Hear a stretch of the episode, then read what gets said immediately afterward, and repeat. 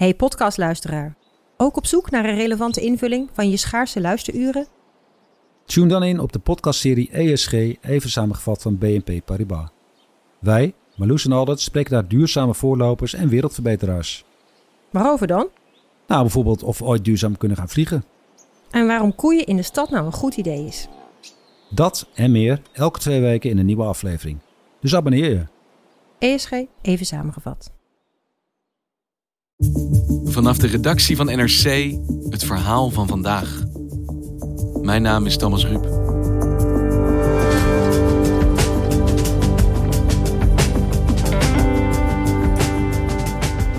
De Turkse president Erdogan oogst na zijn inval in Noord-Syrië vanuit het buitenland zware kritiek. Wij zien bommenregens, ontheemde Koerden en de algehele dreiging van een escalerend conflict. Maar binnenlands is het beeld heel anders, ziet correspondent Toon Beemsterboer. In Turkije is deze oorlog uiterst populair.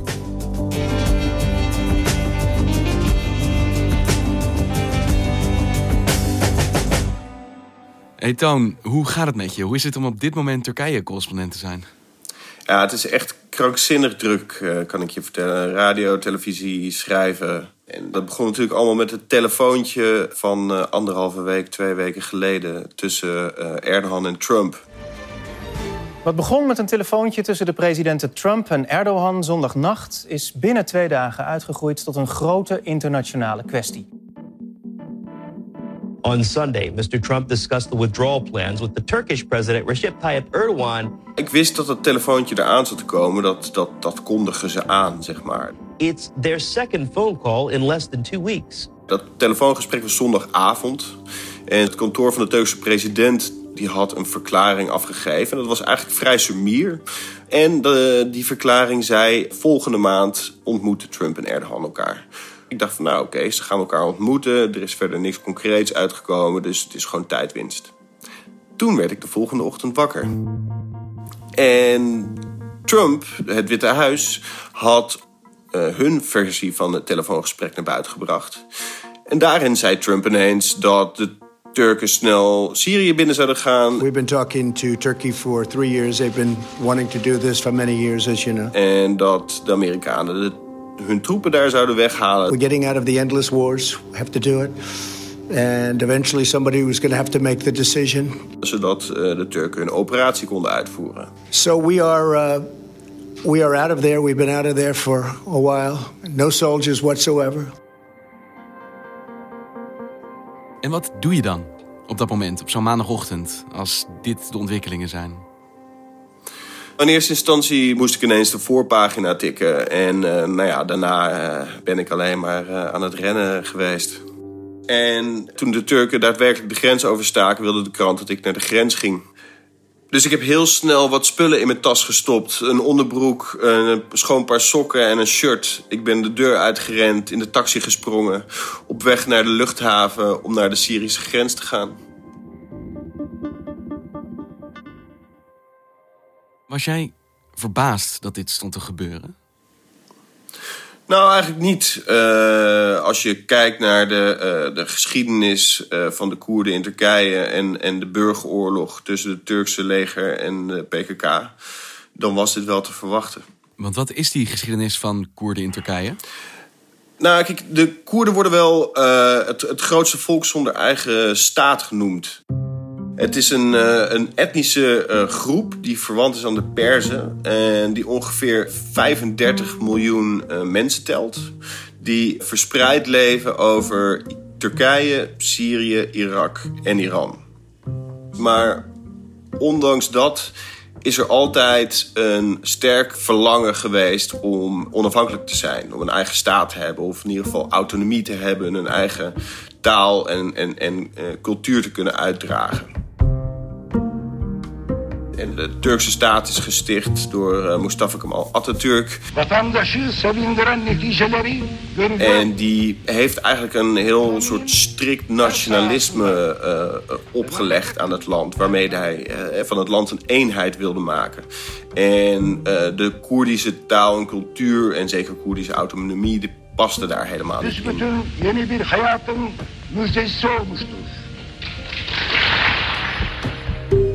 En in de jaren 80 toen laaide er een opstand op van de uh, Koerdische Arbeiderspartij, de PKK. De PKK werd opgericht in 1984 en eist een onafhankelijk Koerdische staat voor 30 miljoen Koerden. Sinds 1984 vechten de militante Koerden van de PKK in het zuidoosten van Turkije een zeer gewelddadige oorlog uit met het Turkse leger. Die werd heel bloedig, vooral in de jaren 90 toen de PKK aanslagen uh, begon te plegen in uh, toeristische steden. Betrekkelijk nieuw is het verschijnsel van PKK-aanslagen op de toeristische centra van Turkije. En in het westen. Binnen een paar minuten zijn tegelijkertijd in heel West-Europa aanslagen gepleegd op Turkse doelen, naar aangenomen wordt door Koerden. De Turkse staat reageerde met enorme repressie. De Turkse strijdkrachten beantwoorden de guerrilla genadeloos. Hele dorpen worden in puin geschoten. De bewoners rest vaak niets anders dan de vlucht. En in 1999 werd Abdullah Öcalan, de leider van de PKK, gearresteerd in de Keniaanse hoofdstad Nairobi. Abdullah Öcalan Leider van de vrijheidsstrijd volgens de Koerden. Moordenaar en staatsvijand nummer 1 volgens de Turken.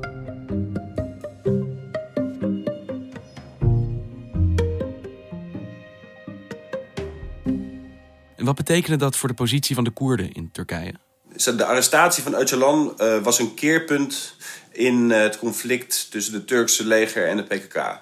Daarna kondigde de PKK uh, een eenzijdige wapenstilstand af. Een jaar later kondigde de groep zelfs een formeel einde aan de oorlog uh, af. In 2002 uh, kwam er een nieuwe partij aan de macht in Turkije. Uh, de AK-partij van destijds premier Recep Tayyip Erdogan. En de partij die pleitte heel erg voor meer rechten voor minderheden en de democratisering van Turkije. Maar meer rechten voor minderheden klinkt dus als goed nieuws voor de Koerdische minderheid in Turkije. Precies, precies. Uh, Erdogan is eigenlijk, dat zou je nu niet meer zeggen, maar Erdogan is de Turkse leider geweest die het meest heeft gedaan voor de rechten van de Koerden. En in 2004 kwam er een einde aan die wapenstilstand en nam de PKK de wapens weer op. Het is weer, net als in de jaren 90, hard tegen hard. Ja, het geweld uh, leidt zeker weer op. Uh, de groep weet alleen niet meer grondgebied te controleren. Dus het conflict sleept voort, maar zonder duidelijke overwinning voor een van de twee zijden. Precies. Maar onder invloed van de oorlog, de burgeroorlog in Syrië, leidde de strijd tussen de PKK en, het Turkse leger ook weer op. Uh, dit leidde er uiteindelijk toe dat de Turkse premier Erdogan en PKK-leider Öcalan vredesonderhandelingen begonnen eind 2012. In die onderhandelingen speelde de pro-Koerdische partij HDP een bemiddelende rol. En uh, deze partij die kwam in 2015 kwam die in het parlement. Maar dit leidde tot problemen voor president Erdogan. Want hij raakte door uh, de verkiezingsoverwinning van de HDP raakte hij de, de meerderheid in het parlement kwijt. En hij realiseerde zich daardoor dat eigenlijk dat hele vredesproces hem geen politiek voordeel opleverde. Want hij lag aan de ene kant zwaar onder vuur van het nationalistische deel van het land. Dat vond dat hij veel te ver ging met die vredesonderhandelingen.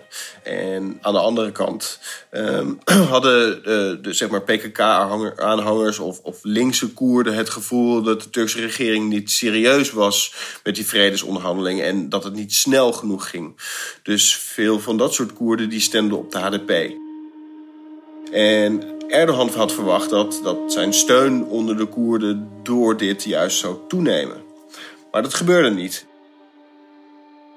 Hij besloot aan te sturen op nieuwe verkiezingen eind 2015.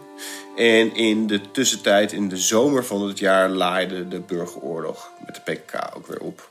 Goedenavond. Het is in korte tijd dagelijks praktijk geworden. Militanten van de Koerdische PKK plegen aanslagen op Turkse veiligheidstroepen. En Turkije bombardeert de PKK. En dat werd eigenlijk op de spits gedreven door de terreurgroep Islamitische Staat. In de zomer van uh, 2015 pleegde IS een aanslag in het Turks-Koerdische grensstadje Suruc. Turkije dan. Tijdens een conferentie van Koerdische jongeren ontplofte er gisteren een bom. De aanslag was in Suruc, in het zuiden van Turkije, vlak bij de Syrische grens en de stad Kobani. De explosie was bij een cultureel centrum waar op dat moment honderden mensen bijeen waren voor een conferentie over Kobani. Er vielen 32 doden, 100 mensen raakten gewond. Uh, er waren vrijwilligers in een uh, Koerdisch cultureel centrum in Suruc. En uh, die waren daar verzameld op een binnenplaats. En die waren eigenlijk een Koerdisch lied aan het zingen. En op dat moment blies een zelfmoordterrorist van, van IS zichzelf op in de menigte.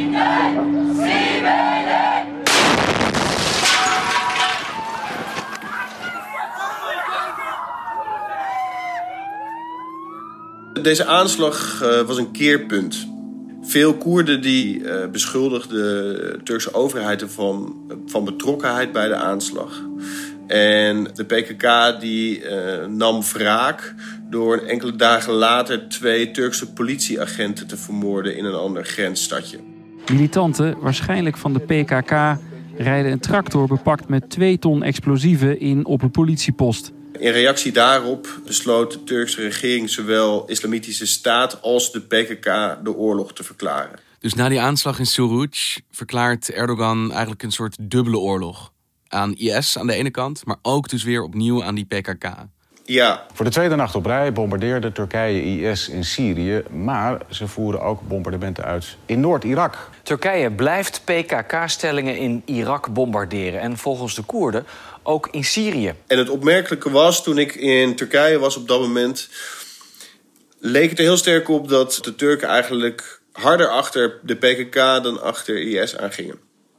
Dus ze voerden meer bombardementen uit of mortierbeschietingen, artilleriebeschietingen uit op stellingen van de PKK in Noord-Syrië dan op doelen van IS. Maar IS is natuurlijk op een gegeven moment verslagen. Dat was maart van dit jaar. Maar de strijd die Erdogan voerde tegen de Koerden was daarmee niet voorbij nog. Nee, sterker nog, in de strijd uh, met IS heeft de Syrisch-Koerdische militie YPG met steun van de Amerikanen natuurlijk heel veel grondgebied veroverd op IS. En toen de YPG samen met de Amerikanen IS versloegen, was Erdogan dus ineens geconfronteerd met een buurman, namelijk de Syrische Koerden, die sterker uit de strijd waren gekomen dan ze daarvoor waren. Precies. De Turken die vrezen dat er aan de zuidgrens een terreurcorridor ontstaat.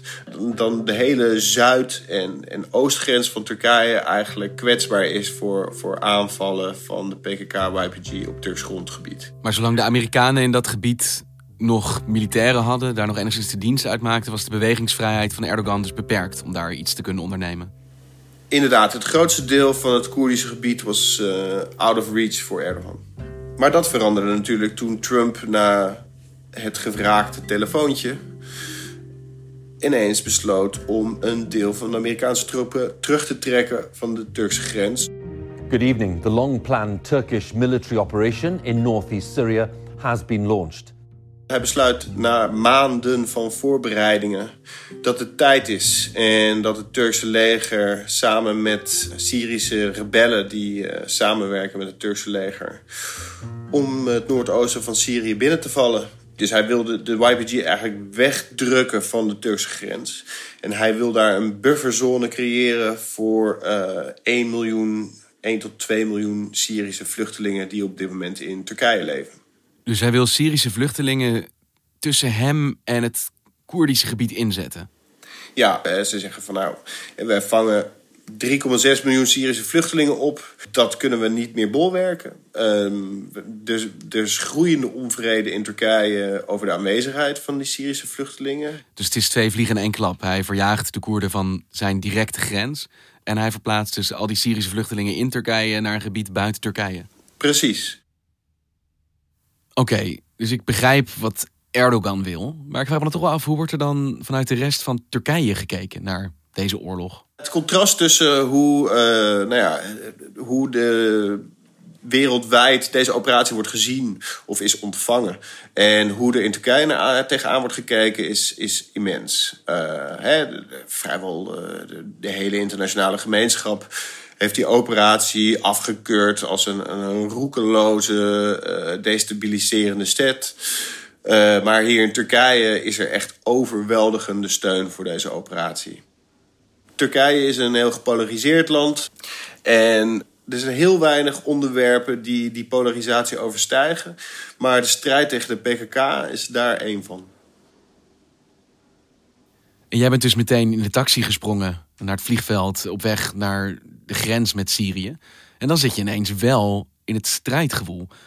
Heerst daar hetzelfde glorieuze beeld van deze oorlog als je ziet in Istanbul of Ankara?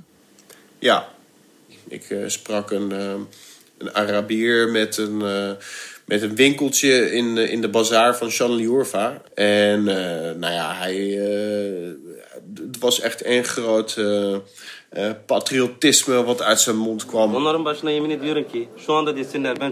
said I went to border and I asked, do you need me? Do you need someone? And they said no, we don't, we don't need.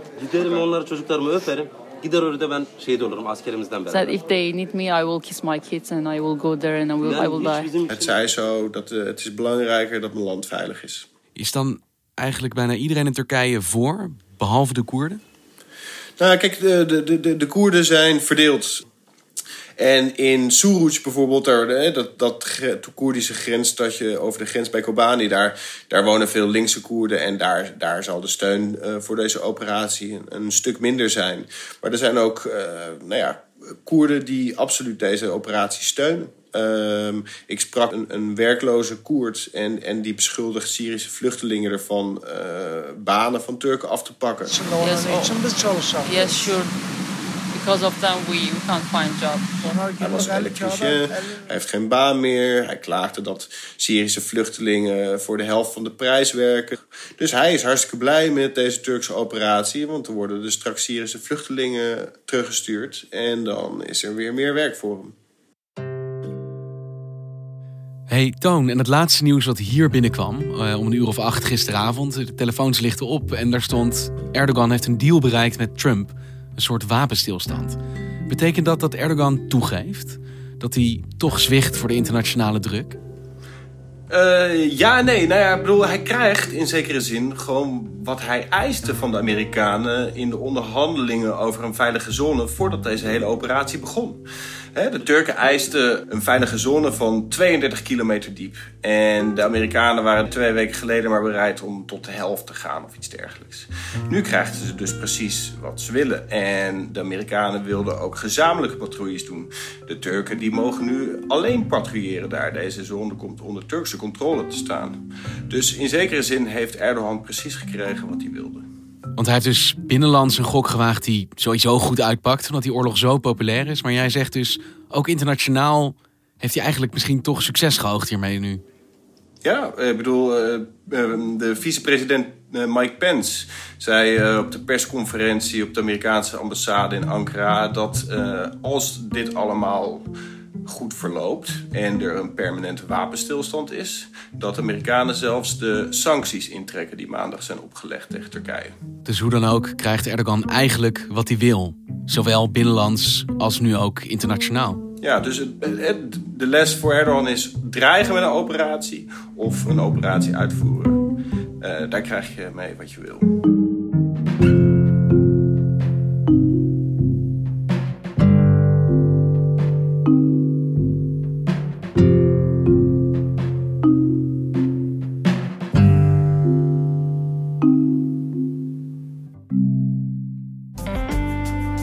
Luisterde naar vandaag, een podcast van NRC. Eén verhaal, elke dag.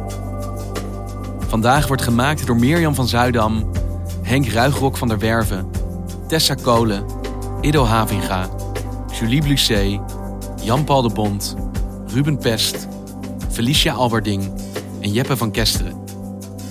De muziek die je hoort is van Rufus van Baardwijk. Dit was vandaag, maandag weer.